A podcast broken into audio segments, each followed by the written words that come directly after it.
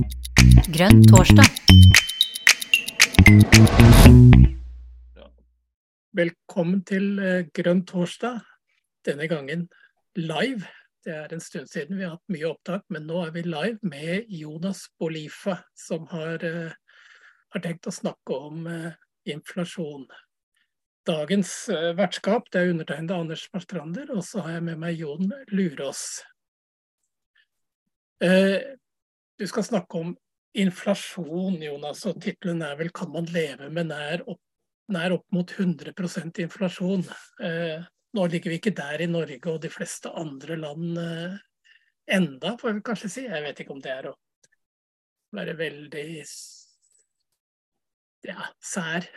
Men eh, inflasjon har jo blitt en sak. Vi ligger jo på, jeg leste i dag, 7,5 eh, på matvarer, i hvert fall i Norge. Eh, inflasjon var også et hett tema i det nylig avholdte mellomvalget i USA med eh, ting og tang der. Så det opptar jo en god del mennesker i både den vanlige eh, menneskene, vanlige, altså vanlige folks tur, som det heter, og politikere og økonomi, veldig økonomiinteresserte økonomer, som det heter. Så det var min lille innledning, og så overgir jeg ordet til eh, Jonas. Og du kan jo presentere deg sjøl og fortelle litt hvorfor du har tenkt å prate om dette her, hva bakgrunnen er. Vær så god. Ja, ja tusen takk, eh, Anders. Jeg lurer på om jeg kanskje skal ta opp den presentasjonen jeg har samtidig, før jeg går i gang med det. Og mens Jonas gjør det, så eh, kan jeg bare opplyse om at han har en presentasjon, han har en innledning her, og så blir det anledning til å stille spørsmål og diskutere i etterkant. Men men er, Jonas har uh, sagt at det er helt greit å ta spørsmål underveis. Så skal vi prøve å følge med og avbryte Jonas uh, når det dukker opp spørsmål. Og Det gjør man ved den reis hand-funksjonen i Zoom. Vær så god, Jonas. Yes, eh, takk skal du ha. Jeg har jo fått den eh, fine tittelen og kanskje litt skremmende spørsmålet om man kan leve med 100% inflasjon. Så hvis det er noen som er veldig bekymra eh, for om folk overlever, så ja, det, det, det, bare for å ta den med en gang. Eh, men, eh, men, det er jo klart at det blir jo et litt, et litt, et litt vanskeligere liv, da, som jeg kommer til å komme mer inn på etterpå. Og så er det jo sånn at det er jo et tema som når jeg valgte det, ja, det her er jo noe jeg har gjort i forbindelse med masteroppgave. ikke sant? Så når jeg valgte det temaet her i fjor, så var det egentlig ikke så tydelig at dette var sånn kjemperelevant for så veldig mange andre enn ja, folk i Venezuela, Argentina og Zimbabwe og Libanon, for så vidt, eh, som jo er viktigere nok eh, land, det. Men det var et, eh, et, fåtall av land hvor man kanskje var veldig opptatt av akkurat det der med inflasjon. Eh, så det er jo eh, eh, Mitt ståsted her er jo fra et antropologisk perspektiv. Det er sosialantropologi som jeg studerer, så det er det sosiale jeg er veldig opptatt av. Eh, så det kommer ikke til å bli veldig masse makroøkonomiske modeller og sånt nå eh, i løpet av den eh, presentasjonen jeg skal holde, men vi kan gjerne snakke om det også hvis det er noen som vil stille noen spørsmål. Um, ja, jeg har jo da vært i Buenos Aires i Argentina. Det er jo hovedstaden i det som jeg tror er verdens syvende største land. Um, og det er jo en kjempestor by, kanskje et uh, Eller kanskje. veldig mye større enn Trondheim, hvor jeg vanligvis uh, oppholder meg. Det er tre millioner mennesker i sjølve byen, og som jeg har lagt inn på det kartet her. Og så er det 18 millioner som bor i provinsen rundt. Så det er jo en, en ordentlig stor by. Så da bodde jeg jo i en leid leilighet i den nordre delen av byen. Og um, jeg var jo på feltstudie her, hadde, men hadde jo ikke noe geografisk avgrensning av byen. Jeg ikke, skulle ikke være i én bestemt bydel eller noe sånt noe. Eh, men så er det sånn at nettverket mitt de bodde ganske konsentrert, eh, ikke så langt unna der jeg gjorde, så det blei jo litt avgrensa av seg sjøl på den måten. Um, ja. Og så tenker jeg at jeg skal si litt om den historiske og politiske konteksten. Og eh, historien om inflasjon i Argentina det er et eh, veldig langt eh, lerret å bleke. Det har vært eh, 50 år med stabilt, eh, relativt stabilt høy inflasjon, med unntak av noen år på, på 90-tallet hvor det var eh, veldig, veldig rolig. Og det er jo flere store hendelser da, som jeg skal at det er flere hyperinflasjoner eh, som er merkedager på en måte i argentinsk eh, historie. Vikt, veldig viktige år. fordi sånne hyperinflasjoner bringer jo ofte med seg politiske endringer. Eh, og det gjelder jo absolutt også for Argentina. Jeg har eh, trekket fram noen årstall her. og Det er, første er 1975. Og da, eh, etter den eh, hyperinflasjonen 1975, så fikk man jo et åtte år langt militærdiktatur, f.eks. Det var jo en kjempestor politisk omveltning hvor den eh, valgte og konstitusjonelle presidenten ble rett og slett fjerna av militæret. For, eh, og man satte inn eh, generaler. Og så er det neste store årstallet er jo i 1989, og da um, hadde man akkurat kommet tilbake til demokratiet. Det var i 1983 at uh, demokrati kom tilbake. Um, og i 1989 så gikk det for så vidt uh, gærent igjen med tanke på økonomien. Og resultatet denne gangen ble at man fikk en, et nytt politisk skifte, og den gangen her så eh, fikk man det som veldig populært blant mange heter neoliberal eh, politikk på 90-tallet, hvor man åpna eh, økonomien for eh, investeringer fra utlandet. Man eh, liberaliserte arbeidslivslovgivning. Og en hel haug med politikk som går på dette med å gjøre eh, markedet friere, da, eh, som man gjerne sier. Og så er den siste, Det siste årstallet jeg trekker fram, det er 2001. Og det er kanskje den det årstallet som ble trukket fram oftest når jeg var i Argentina, som et, sånt, eh, et slags før- og etter-øyeblikk. Fordi i 2001 så fikk eh, alle som hadde bankinnskudd i dollar, de fikk de innskuddene sine konfiskert og devaluert med 75% altså til en fjerdedel av det de var verdt tidligere. Og Da hadde man gjennom 90-tallet hatt et forhold mellom den argentinske pesoen og amerikanske dollaren som var én til én. Så én peso var én dollar. Og så um, klarte ikke Argentina å betjene utenlandsgjelda si, og uh, myndighetene fant altså ingen annen løsning enn å konfiskere innbyggeres uh, bankinnskudd. tvangs, tvangskonvertere de dollarene til pesos og sette verdien til en fjerdedel av den var. Og Grunnen til at dette er viktig, er jo at det er denne type hendelser som gjør at tilliten mellom myndigheter og befolkning er veldig tynnslitt. Så, eh, og tillit er et sånt ord som jeg kommer til å komme inn på i flere sammenhenger her, men den er eh, veldig lav, og ikke bare mellom myndigheter og befolkning, men også for så vidt mellom eh, befolkning og, og banker. Sånn at det er ikke nødvendigvis sånn at man vil ha pengene sine i banken i Argentina. Det kan være bedre å ha eh, sedler under eh, madrassen, eller inni madrassen, om man foretrekker det. Og i, i dag så er, er, jo inflasjonen veldig høy igjen. Den er nært 100% årlig. Altså fra november i fjor til november i år så har det vært nært 100 eh, eh, inflasjon. Og det er rundt 50% av befolkninga som lever i fattigdom i dag.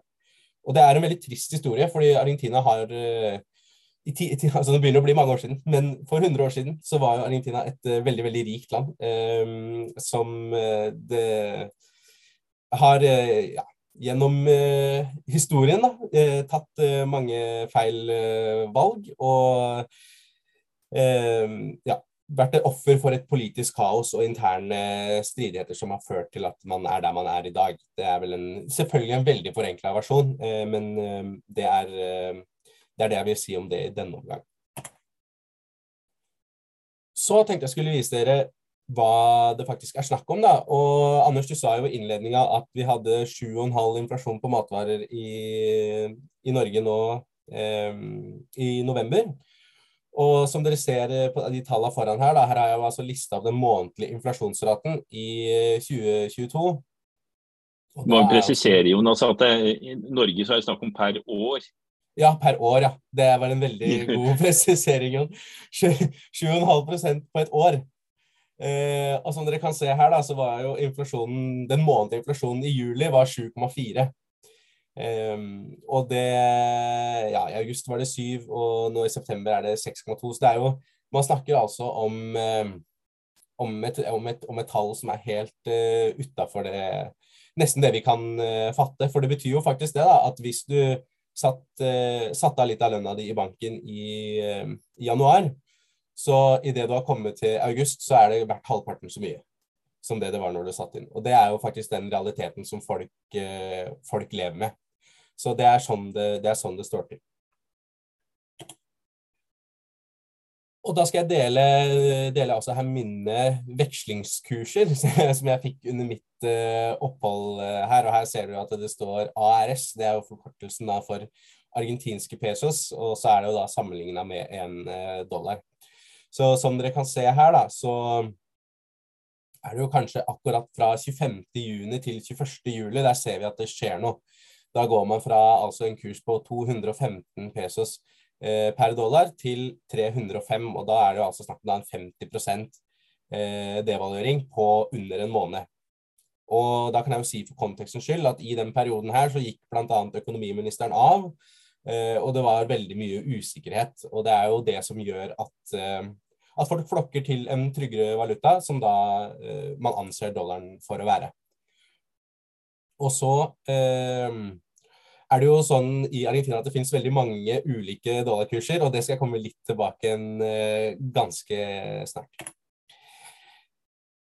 Yes, her ser vi et bilde Eh, av eh, sedler på et bord. Og det er, er kanskje litt kryptisk eh, fram til jeg forklarer hva det er vi ser på. Og det vi ser på nå, det er de eh, fire valutaene som har vært i bruk i Argentina siden 1970. Det, man har altså bytta valuta fire ganger, eh, eller eh, rett og slett fjerna nuller på et tidspunkt. Og den serien til venstre den var i bruk mellom 1970 og 1983. Uh, og den uh, neste serien her, den ser at den er ikke helt fullstendig. Men den var bare i bruk mellom 1983 og 1985. Og så kunne man ikke bruke den lenger. Og da kom den neste serien. da bytta man også navn fra Pesos til Australer, heter den serien. Um, og som dere ser her, så slutter jo den serien også på 500 000 australier. Slutter den på. Så det gikk jo ikke så bra den gangen heller. Ehm, det var en plan man hadde mellom 1985 eh, og 1989, at eh, vi innfører en eh, ny valuta. Denne gangen skal vi gjøre det skikkelig. Ehm, og så ender det med en hyperinflasjon i 1989, og at man gjennom 90-tallet gikk tilbake til pesoen, og man festa den til dollaren. Så nå er man altså tilbake på pesoen. Som dere kan se helt til høyre her, så er det de sedlene som er i bruk i dag. Og Den høyeste seddelen som dere ser, den er 1000 eh, pesos, og det tilsvarer ca. 30 kroner. 3 dollar. Um, og det litt, uh, var litt interessant. Jeg spurte jo folk um, tenk, altså Burde ikke myndighetene trykke opp større sedler? Men da, og da var det noen som mente at det ville jo bety at uh, myndighetene innrømmer at det er inflasjon hvis de lager større sedler, og at det kan være motivasjonen. Da har vel ingen av oss som har vært med på noen interne møter i regjeringa der, så Eh, vi kan vel ikke konkludere for sterkt eh, med det, men det er også en tanke da, som har vært om hvorfor ikke man ja, er oppe på en 10 000-seddel f.eks., som ikke ville vært helt utenkelig hvis du måler det mot uh, verdien av andre valutaer.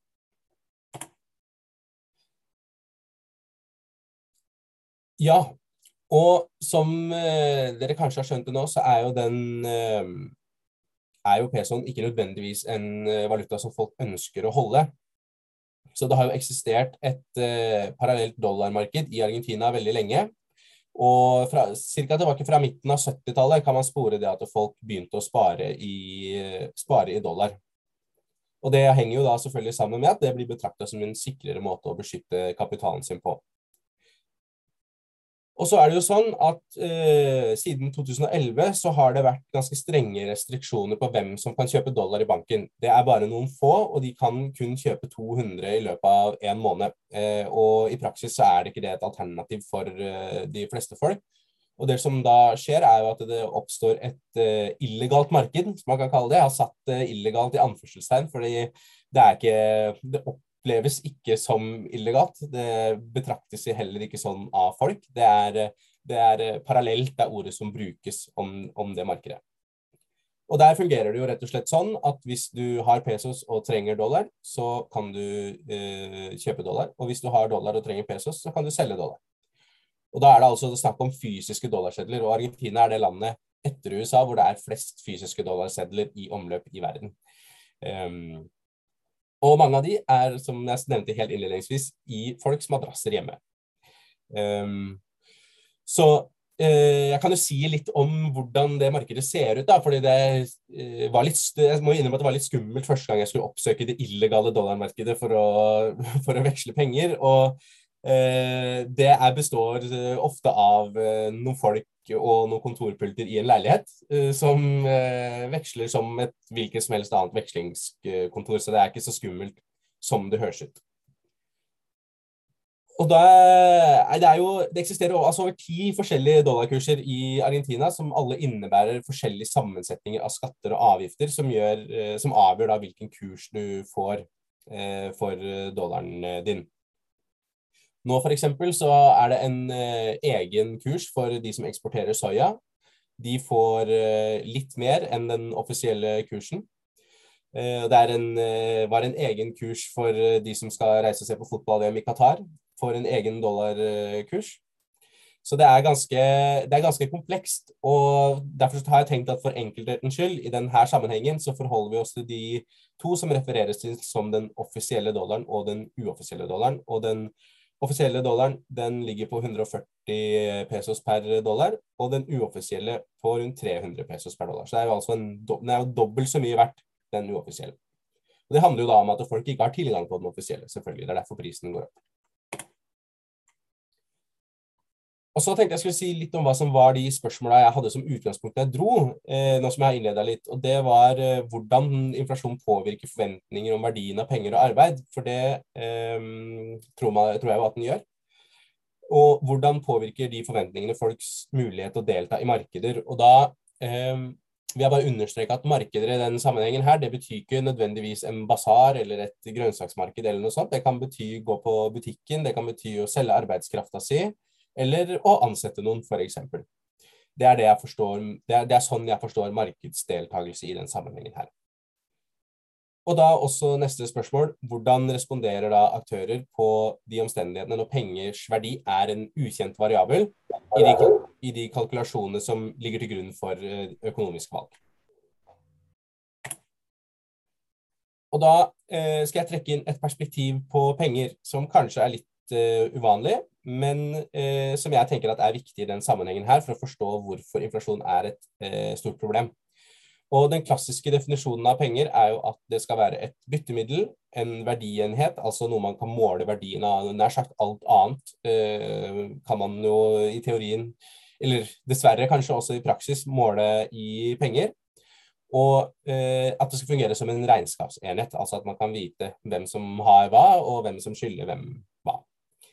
Så man kan jo betrakte penger som et samarbeidsverktøy som muliggjør alle disse relasjonene. Det er jo penger som gjør at jeg kan eh, at jeg får meg mat på bordet. Det er jo, jeg er ikke veldig god til eh, å drive med landbruk i leiligheten min her på Møllenberg i Trondheim. Så jeg er helt avhengig av å ha penger for å få tak i, eh, for å få dekke helt grunnleggende behov.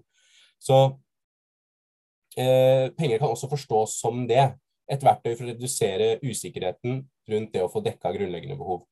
Og så tenker jeg jo her også at det er jo et hva om jeg skal si det er et visdomsord, eller rett og slett bare vanlig eh, fornuft. Um, at man sier at ja, de gjerne legger av noen penger fordi du vet ikke hva som kan skje. Uh, og det føler jeg er et ganske godt bilde på det. Det er jo, uh, det er jo sånn man gjør. I tilfelle oppvaskmaskina ryker, f.eks. Det er jo et sånn typisk uh, eksempel. Så kan det være greit å ha en buffer.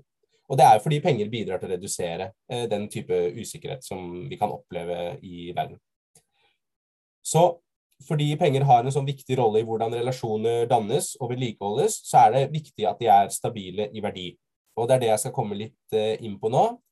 Men jeg skal snakke om konsekvensene av eh, inflasjonen. Og den har jo en åpenbar konsekvens, og det er jo at folk blir fattigere. Fordi lønnsveksten den holder aldri følge med prisene det er uh, umulig at uh, lønna kan følge prisene, uh, fordi det vil alltid være en, si, en delay, altså et, et etterslep. fordi bedrifter som Bedrifter øker prisene, og så trenger folk mer i lønn. Men det å få mer i lønn det er ikke nødvendigvis noe man kan få før man har tjent inn mer penger, så da må man sette opp prisene der òg. Så man får det som den lønns-pris-spiralen, eh, men lønningene løper alltid etter.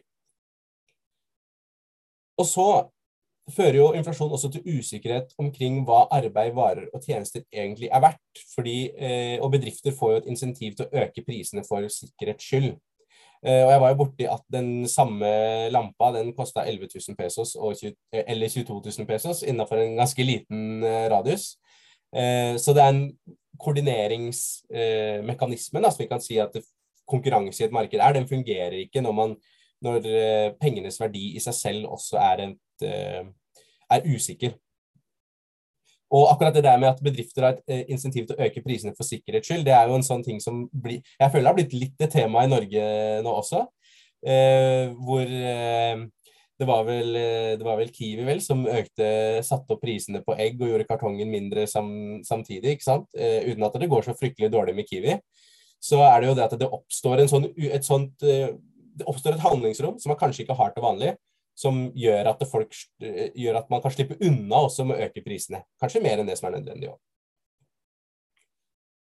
Og så oppstår det friksjon i sosiale relasjoner. Fordi en kontrakt er jo ikke en kontrakt når verdiene som inngår i transaksjonen forringes i løpet av kontraktens periode. Og eh, det er jo litt interessant hvis jeg f.eks. skal male gjerdet ditt, Anders, hvis du ansetter meg til det. Jeg er ikke så fryktelig god til å male, men jeg kunne prøvd. Eh, og sier at eh, jeg skal få 200 kroner for det, og den, de skal jeg bruke til å kjøpe meg en deilig hamburger i morgen. Og så viser det seg at den koster nå 400 så har jeg jo de åtte timene jeg sto og malte gjerdet ditt, de har jo også falt i verdi. Det er jo ikke bare pengene i seg sjøl som har falt i verdi. Altså mitt arbeid uh, har, ikke, har, har, har ikke den samme verdien lenger. Og da er vi jo inne på dette med tap av kjøpekraft. ikke sant?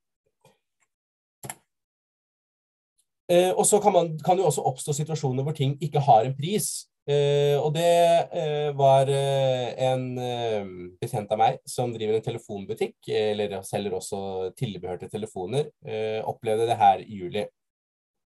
Fordi fra den ene dagen til den andre så var det ingen av leverandørene hans som solgte noe som helst, fordi da hadde pesoen falt kraftig mot dollaren. Og da velger man altså å heller la være å selge, selge noe enn å selge det til en for lav pris. Fordi det er klart at det, I leverandørleddet så vet jo ikke de igjen hvor mye de må betale for å fylle opp igjen sine lagre. Så du får en sånn slags paralysering av eh, hele, av hele systemet.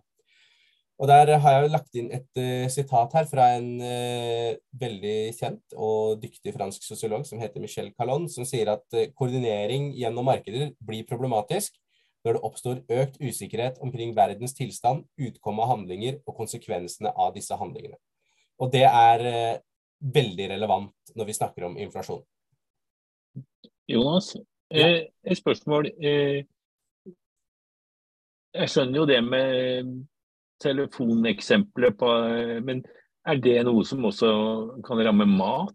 Altså virkelig livsnødvendige ting? Nei, altså du, du, vil, du vil nok få tak i mat, ja. Det vil du.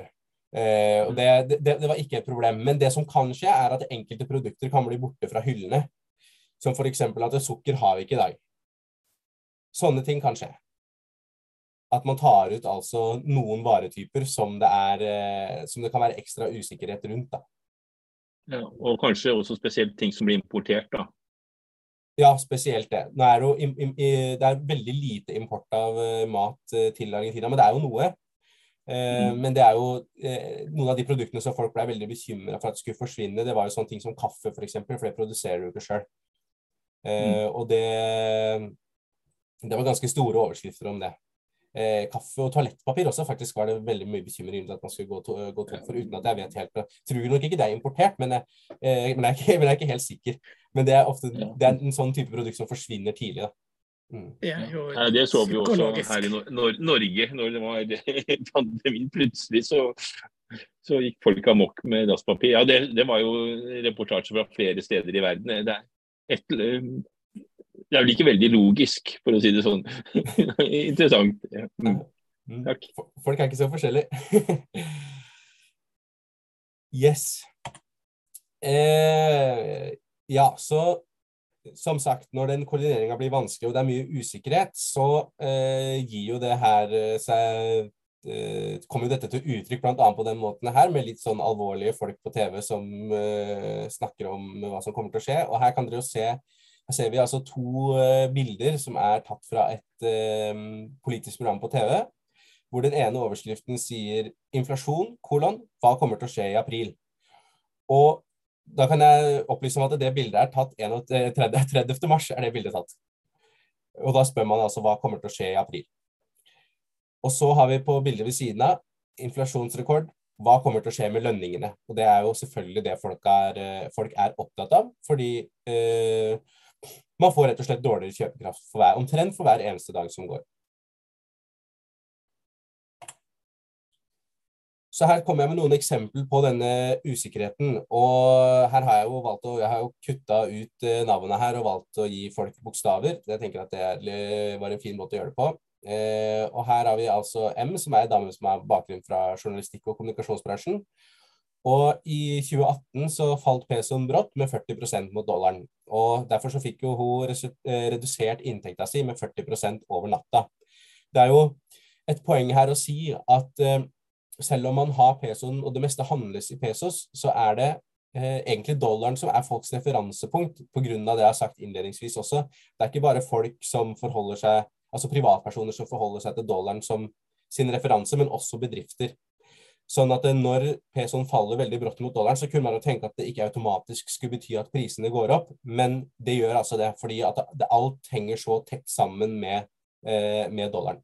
Så Det er derfor man kan si at hun fikk redusert inntekta si med 40% Og det hun forteller, er jo at det å stadig måtte be om lønnsøking, det er utrolig slitsomt. Og det etterlater jo mye rom for konflikt. Det er vanskelig å ha et godt forhold til sjefen hvis du omtrent hver måned må gå og be om å få litt uh, høyere lønn. Uh, og sånn sett så går det veldig negativt inn på arbeidsmiljøet, uh, akkurat dette her.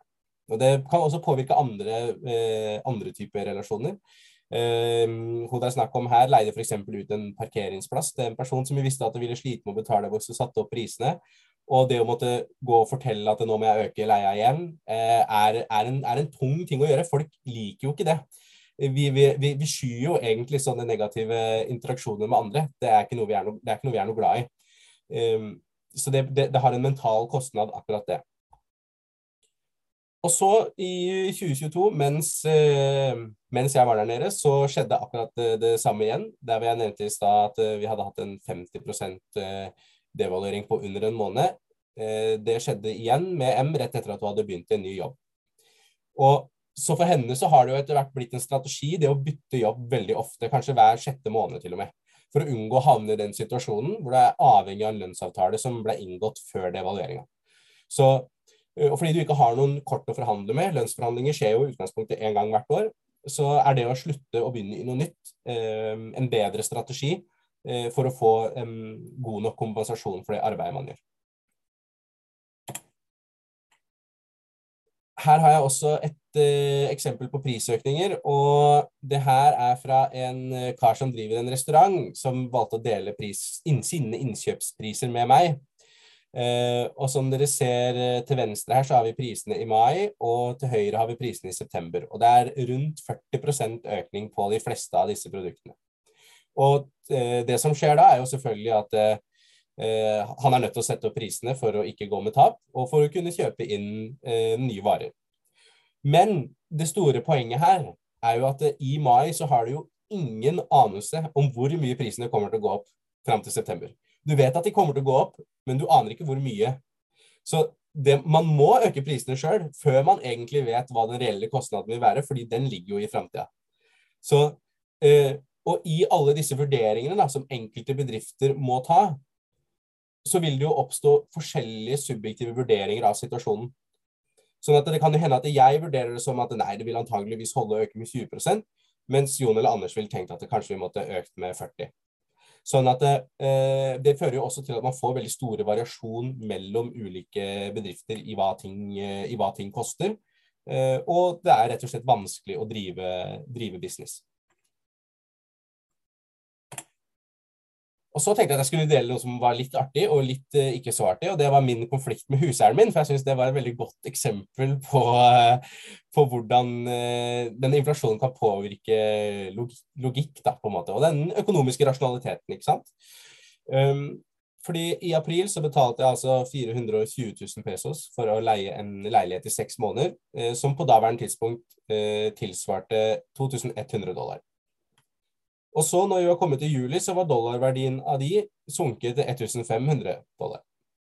Og boligmarkedet er jo i stor grad dollarisert, sånn at eh, i løpet av den perioden så hadde prisen han kunne ta i pesos, den hadde jo økt masse. Eh, den var jo nesten det dobbelte, eh, omtrent av det det var når jeg inngikk kontrakten. Så Derfor så var det jo veldig attraktivt for huseieren min å terminere min kontrakt til fordel for en leietaker som betalte de aktualiserte prisene. Så da var det masse styr, og jeg måtte ut, og jeg sa at jeg skal ikke ut. Og så var det mye fram og tilbake på den uh, måten, og så endte det jo med at jeg blei. Um, men huseieren han har jo to valg. Han kan jo oppbevare pengene i pesos, eller han kan kjøpe dollar for dem. Hvis han hadde kjøpt uh, dollar, så ville jo det tilsvart nesten 200 eh, 000 pesos mer om han solgte de i juni. Så han ville jo kunne tjent penger i pesos ved å gjøre dette. Og så kan du si at ja, jo, prisene ville jo økt også. Jo, prisene ville ha økt, men den eh, eh prisøkninga går alltid saktere enn devalueringa, fordi det tar tid før eh, alle ledd blir eh, oppdatert. Sånn at Inflasjon kan være veldig lønnsomt dersom man klarer å utnytte sånne her type situasjoner. Og det handlingsrommet det tenker jeg at vi kan godt kalle for spekulasjonsrommet som oppstår der hvor det er eh, mulighet til å være lur hvis man er i stand til det. Og her er det også viktig å si at det er ikke alle som har forutsetninger for å kunne benytte seg av alle disse mulighetene, for du må ha veldig god oversikt over alle mulige utfall og sånt. Så det er jo et uh, kaos å navigere. Og så tenkte jeg at uh, jeg vil uh, reflektere litt om moral og det her, fordi jeg var veldig rask til å akseptere et premiss om at han huseieren her han hadde onde hensikter. Og Jeg snakka jo da med min eh, venn O, som blir introdusert litt lenger ned her, eh, og en advokat som hjalp meg pro bono. Og De ba begge om unnskyldning på vegne av sin landsmann, og det var ingen av dem som var noe overraska over dette hadde skjedd. Dette var typisk, typisk Buenos Aires, mente de at det var. Og jeg og han kameraten min vi satt jo og skrev meldinger, og jeg var jo litt nervøs, for jeg hadde jo ikke tid eller verken tid eller råd til å plutselig måtte finne et nytt sted å bo. Ehm, så jeg eh, tenkte en del på i ettertid at eh, jeg var veldig kjapp til å tenke at han her er jo en svindler. Han er bare ute etter å ta meg, og han er et forferdelig dårlig menneske.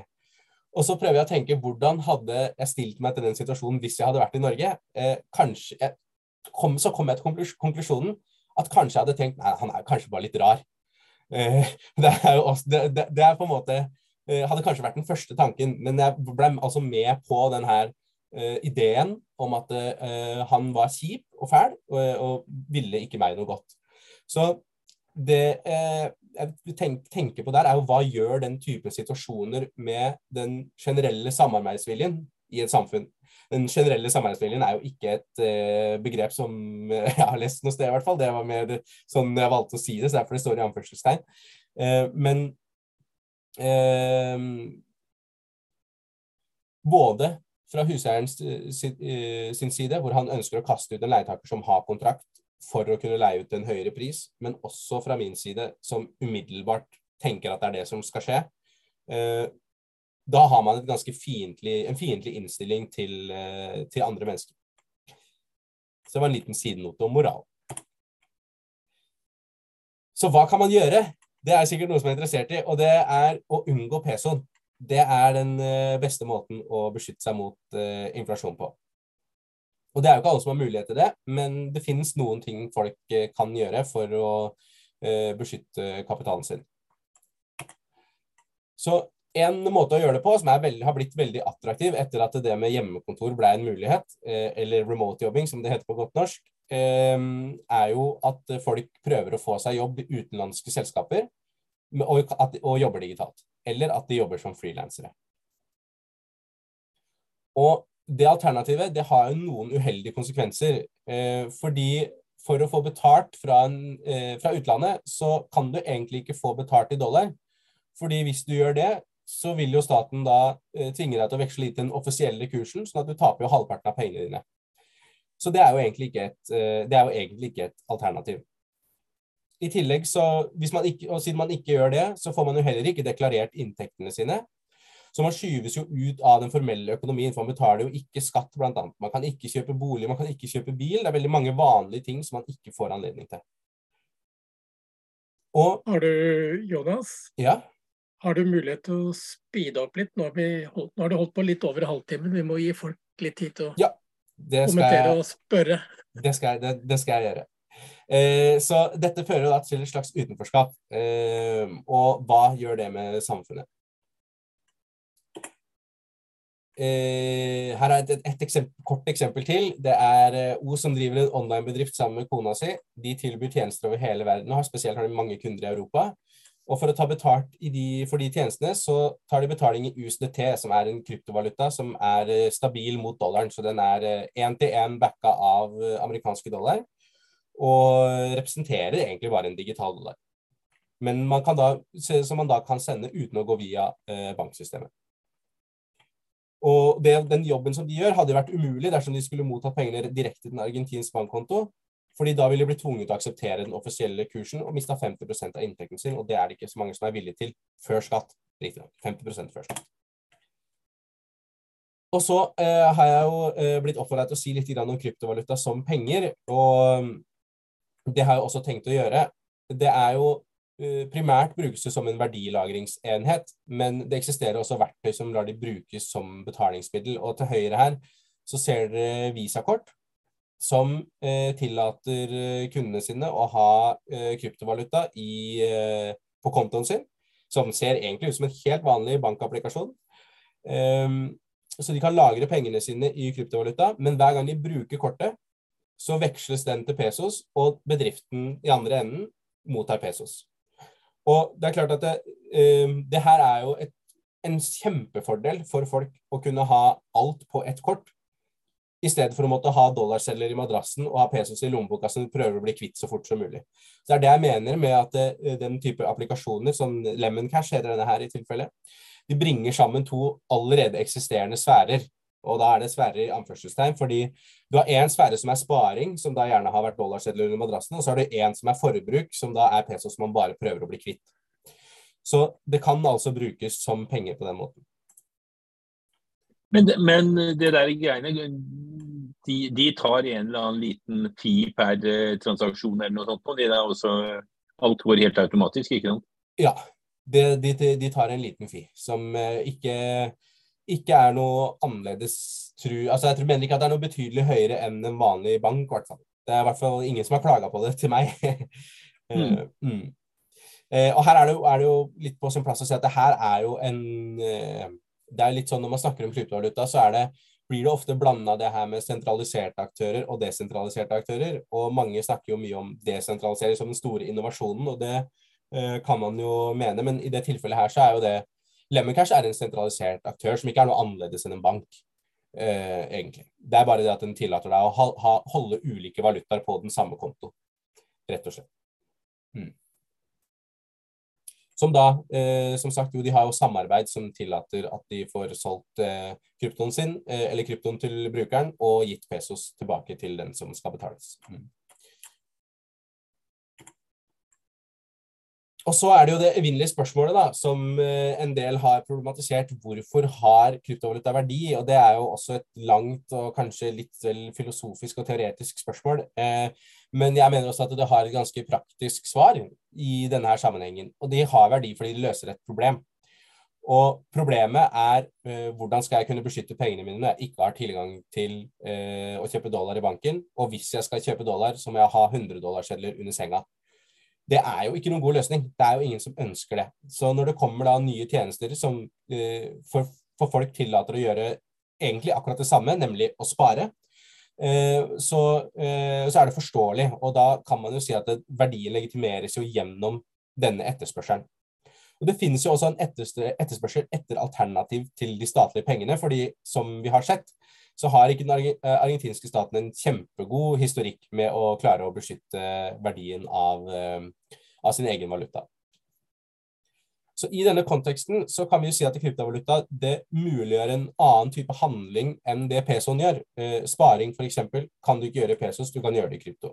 Jobbe for utlandet kan du heller ikke gjøre i pesos, du kan gjøre det i krypto. Um, sende penger hjem, f.eks. Det er veldig mange innvandrere i Argentina, mange venezuelanere f.eks., som trenger å sende penger hjem til sine familier. Det er ikke noe de kan gjøre i pesos. De kan ikke gjøre det med banksystemet. Venezuela er fryst ut av alt som er, men de kan gjøre det med krypto. Sånn at det, det er det i hvert fall jeg mener veldig sterkt at det er det som er det reelle spørsmålet på om det har en verdi eller ikke, og det er om det uh, er et verktøy folk trenger, om det er et verktøy folk bruker. Um, og at man, for å si det enkelt, kan kjøpe brød og melk for det. Men eh, det her vil jo ikke løse de strukturelle og politiske utfordringene som har ført til den ekstremt høye inflasjonen i utgangspunktet. Det er, et, det er et redskap for å få folk til å unngå de verste konsekvensene av den feilslåtte politikken. Uh, og Det samme kan man jo si om at man har tilgang på å kjøpe vanlige dollar også. Uh, det løser jo ingen av uh, problemene, men det, er, men det gjør det litt enklere å være innbygger i Argentina. Da skal jeg gi meg der. Takk for meg.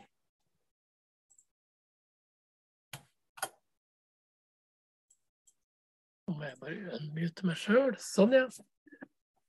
Ja, det var jo en god del. Ja, det kan man si. Jeg har, eh, jeg har, eh, jeg har gjort klart ett spørsmål til deg, og jeg kan godt ta en mens eh, resten av publikum her tenker. eh, så skal du få komme til rett etter meg, Dager. Eh, I USA så har vi nå rapportert altså det var mellomvalg nå, og inflasjon har vært et av temaene. Inflasjonen i USA den har både en, eh, en hva heter det, myndighetsbakgrunn. Under korona så utstedte myndighetene sjekker, sendte sjekker i posten hjem til, til den jevne amerikaner. Og 1500 dollar, 2100 mener jeg det var. På, det var et par-tre ganger de gjorde det. Samtidig så var det jo ikke mulig å få tak i noen varer. altså Kina var stengt ned, shippingmarkedet var, lå nesten brakk. Du fikk ikke importert uh, det folk hadde lyst til å kjøpe. Så plutselig så satt man der med masse penger, i anførselstegn masse i hvert fall, og nesten ingenting å handle.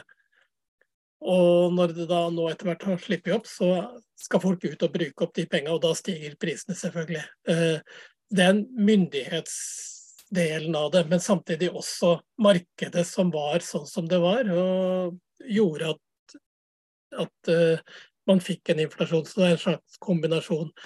I Argentina, hvor du har en inflasjon på mange 80% er det kombinasjon av myndigheter og markeder, eller er det eh, pga. Eh, alt det koblinga med dollar og, og, og, sånne ting. Mye mer myndighetsinitiert, for å bruke et sånt begrep. Ja, takk, Anders. Det er et, det er et utrolig godt spørsmål. Eh, og det å svare på hvorfor det er så høy inflasjon i Argentina, det er, tror jeg de sliter med å svare på sjøl. Eh, men det som er helt sikkert, er jo at eh, sentralbanken er ikke uavhengig på noen som helst måte den, eh, i, eller i teorien og på papiret så er sentralbanken uavhengig, men den har vel blitt underlagt større og større politisk kontroll. Um, og så er det jo en ting man har ganske mye av i Latin-Amerika generelt, Argentina er jo ikke noe unntak der, og det er jo korrupsjon. Og måten korrupte systemer vedlikeholdes på og smøres på, det er jo gjerne med penger. Og spesielt hvis det er snakk om offentlige selskaper og, uh, og den type ting, så er det jo eh, gjerne ganske store summer eh, det er snakk om, og de kommer jo fra et sted. Så det er nok i mye større grad myndighetsdrevet, men så er det jo også noe kulturelt, på en måte, for du har jo eh, historisk sett en sånn eh, usikkerhet om kan vi stole på pesoen. Det har ikke fått noen grunn til å gjøre det. Eh, sånn at du har det konstante Og det var jo noen som beskrev det sånn at inflasjonen er et psykologisk fenomen. og eh, synes jeg var litt en interessant måte å si det på. fordi det ligger nok noe i det altså at folk prøver eh, alltid å bli kvitt pesoen. Og eh, myndighetene har ikke klart å gjøre noe som gjør at det, folk ikke vil det. Eh, for det er jo ikke sånn at folk i utgangspunktet tenker at det å måtte ha forholde seg til to ulike valutaer er en sånn kjempefin ting det er jo noe som kommer av nødvendighet, på en måte. Så det er jo eh, Det går nok veldig mye på manglende tillit eh, til eh, pesoen. Og det er også derfor man har dollar i, eh, i, i madrassen og ikke i en bank, f.eks. Eh, sånn at eh, det er, nok, det er, noen kulturelle ting sånn sett, men så er det, tror jeg nok også at jeg vil si at den eh, politiske smøringa av systemet er, er, ganske viktig. Og her kan jeg komme med et veldig konkret eksempel som sjokkerte meg litt når jeg kom. Um, fordi når jeg kom fram, så så jeg et uh, skilt i butikkvinduer hvor det sto um, Aura doses, altså nå tolv betyr det. Det var da et tolvtall, og så sto det liksom Aura over, som betyr nå. Og Det betyr altså nå kan du få tolv måneders rentefri avdrag på å kjøpe ditt og datt. På alt mulig rart. Forbrukervare, sko, klær, elektronikk, alt mulig rart. Um, og eh, ja, da stilte jeg jo umiddelbart spørsmålet hvordan i all verden kan en bedrift tilby å selge folk produkter rentefritt i en kontekst hvor du har så høy inflasjon? Det vil jo bety at eh, de taper penger. Uh, og det er jo sant. Hvis det var sånn det fungerte, så var, er jo det sant. Men her er jo svaret at det er staten som betaler. Sånn at det, det, er renter, det er bare det at staten dekker de, sånn at folk kan kjøpe det rentefritt. Så her har du et sånt eksempel på sånn offentlig pengebruk som er helt etter min mening spinnvill. ikke sant? Fordi når du lager den type systemer, så betyr jo det at det ikke bare er folk avhengig av de, eh, den type ordninger for å kunne handle, men bedriftene er jo også avhengig av den type ordninger for å kunne overleve. Så at du får et sånt, eh, du lager et system som det er veldig vanskelig å komme ut av da, uten at eh, resten klapper sammen. Så eh, finansiering av den type ting bidrar nok også til inflasjon, tenker jeg. Mm. Yep. Da har Unnskyld. Dager eh, løfta en hånd. Der, ja. Vær så god. Jeg lurte på eh, Du viste jo et sånt visakort på at du betalte med pesos når du betalte med krypto. Mm. Og da lurer jeg selvfølgelig på om er det mulig å betale med krypto sånn som det egentlig er ment, da? altså direkte, uten å gå via pesos? Jeg, jeg hørte deg litt dårlig, men spørsmålet var hvordan det er muligheten for å betale uten å gå via pesos, var det det? Ja, at du kan betale direkte med krypto, da. Det er, for, det er foreløpig veldig lite. Det er lite, ja. Okay. Veldig lite. Foreløpig. Det er få, få, som, få som, aksepterer det. Det var, no, var, noen som eh, jeg så, men eh, det, det er ikke så stort ennå. Men ser du en trend? Altså at, at det øker, eller er det ja, det vokser jo, det gjør det. Det var, eh, er jo bl.a. et, selskap som heter Crypto Market, som jobber med akkurat det her. Men de installerer eh, på en måte, Den er jo ikke så mye å installere, egentlig. Det er jo mer å opplyse om hvordan folk kan ta i bruk eh, eh sine egne lommebøker, f.eks. For, eksempel, for å ta betalt på den måten. Um, så, så det, er nok, det, er, det, vokser nok. Og jeg så jo også at det var leiligheter som hadde blitt solgt for uh, USDT, da, som er en sånn stablecoin. Um, så, jeg, jeg, jeg, regner med, jeg regner med at du kan betale med dollar, f.eks. Med dollar? Og dollaren er jo bedre penger enn pesos.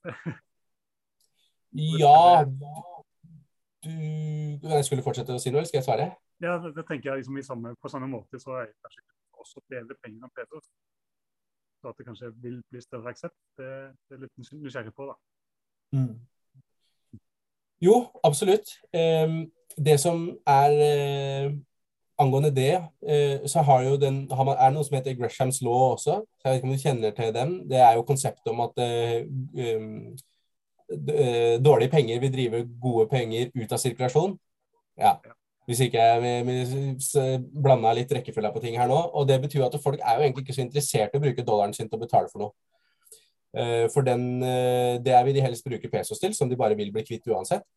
Sånn at det er bedre å bare spare i, spare i dollar og så bruke, også, også bruke i pesos. Så det er nok litt det at det har ikke vært så mye interesse for, uh, for, for det også. Men og så har du også problemet med at den dollaren som er i omløp, er veldig mye 100-dollarsedler. Sånn at det, det, å skulle betale med det ville jo være umulig med tanke på at det skulle få i en veksel, f.eks. Mm. Men eh, trenden går nok, går nok, i, retning av mer adopsjon både av det å kunne ha direkte betaling med krypto, men også uh, ja, av det å kunne ha direkte betaling med, med krypto. Ja. Mm. Da har du kanskje litt samme problem med krypto, da. At du heller vil bruke opp PC-en din enn å faktisk bruke opp kryptoen din. Ja, det også, er, det, det også er sant. Folk foretrekker å bruke, bruke pesos, men forskjellen her er jo at nå kan du både spare og bruke med det samme kortet i stedet for å måtte spare eh, på et fysisk sted og bruke et annet fysisk sted. Sånn at du, du, du forener på en måte dollarene med madrassen sammen med PC-en i lommeboka, så har du alt på samme kort. Så det er en veldig sånn praktisk løsning som gjør at det også er enklere da, eh, f.eks. å ha alle midlene sine i eh, en, eh, en dollarbacka stablecoin, og så bruke, bruke pesos. Mm.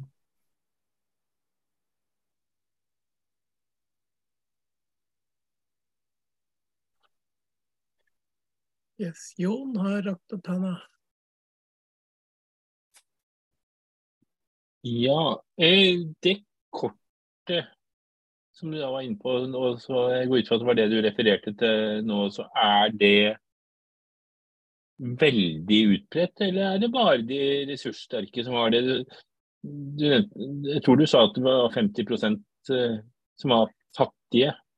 Jeg vet ikke hva slags begrep du brukte da på fattige, men mm. Eh, om det var det eh, Det er noen FN-mål på hva, hva, fattigdom er, hvis det er på det, det nivået? Mm. Um, det er jo selvfølgelig ikke alle som har det. Nå vet jeg at akkurat det selskapet har rundt halvannen million brukere.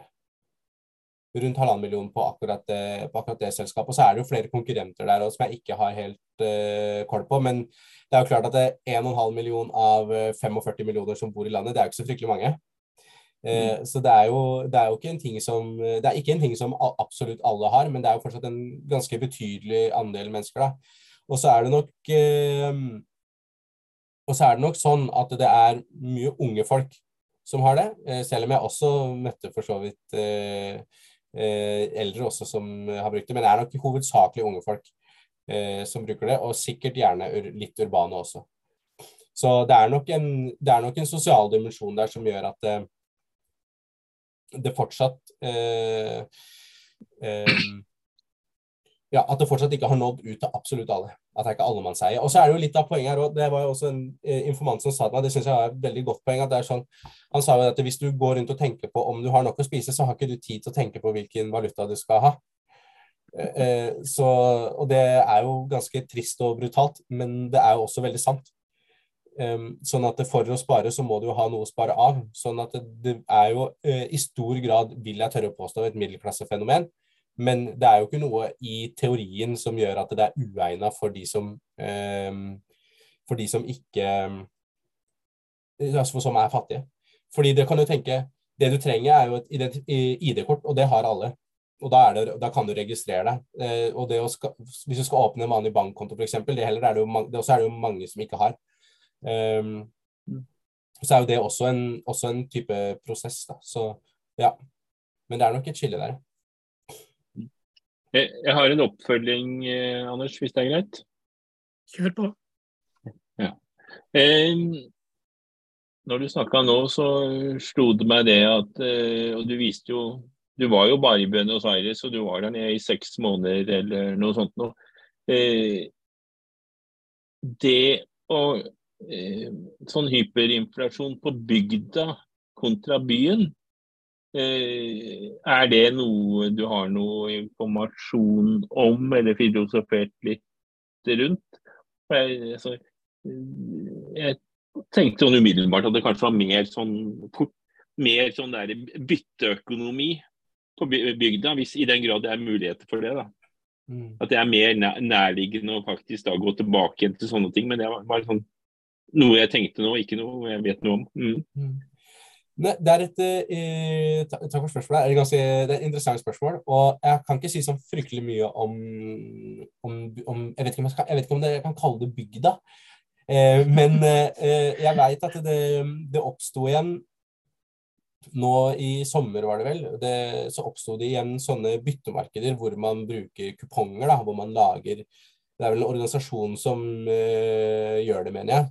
Som at man lager eh, egne man lager jo i praksis da en egen valuta da, hvor folk kan ta med seg ting og, som de trenger å få bytta bort, og så bytter de det mot en sånn kupong, og så kan de bytte kupongen mot noe annet. Ja. Så at du får et sånt veldig lokalt, eh, lo, veldig lokalt marked. da.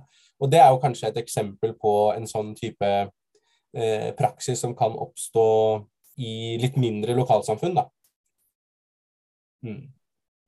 Men eh, sånn ellers om det fortoner seg veldig annerledes uh, ellers i landet, det uh, kjenner jeg det tror jeg ikke jeg vil prøve å si så mye om, for det kan jeg ikke si så mye om. Uh, men det er jo Buenos Aires er jo, rike, er jo, det rikeste området i landet. det er for så vidt også noen av de fattigste med, i noen deler av provinsen, men Um, Selve hovedstaden, Buenos Aires, er jo et av de rikere områdene i Argentina. Det hører jo med til historien. Mm. Mm. Takk. Ja, da har ikke jeg sett noen flere spørsmål. Er det noen som har noe å tilføye? Hvis ikke så tror jeg vi sier tusen takk til deg, Jonas. Eller har du noe å legge til til slutt?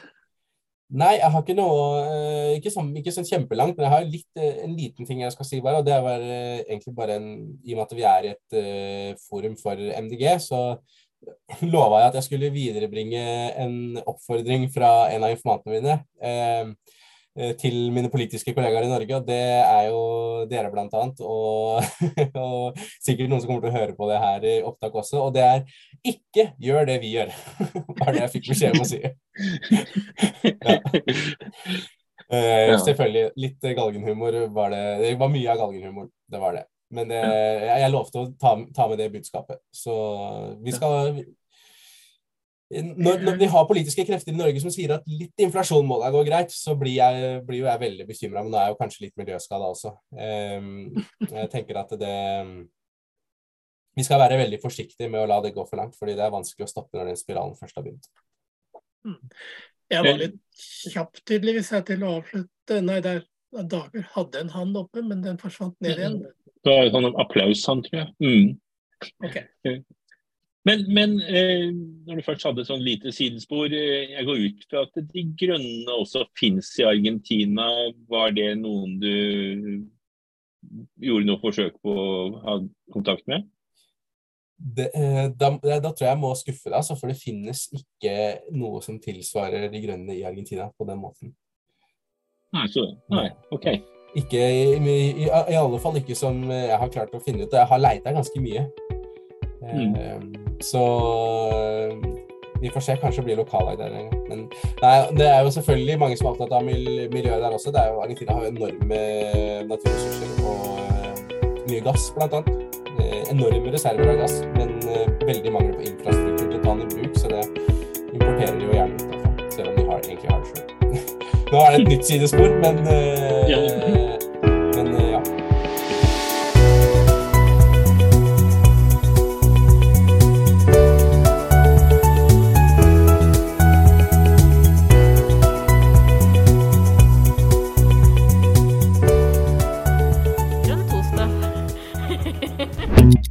Grønn torsdag.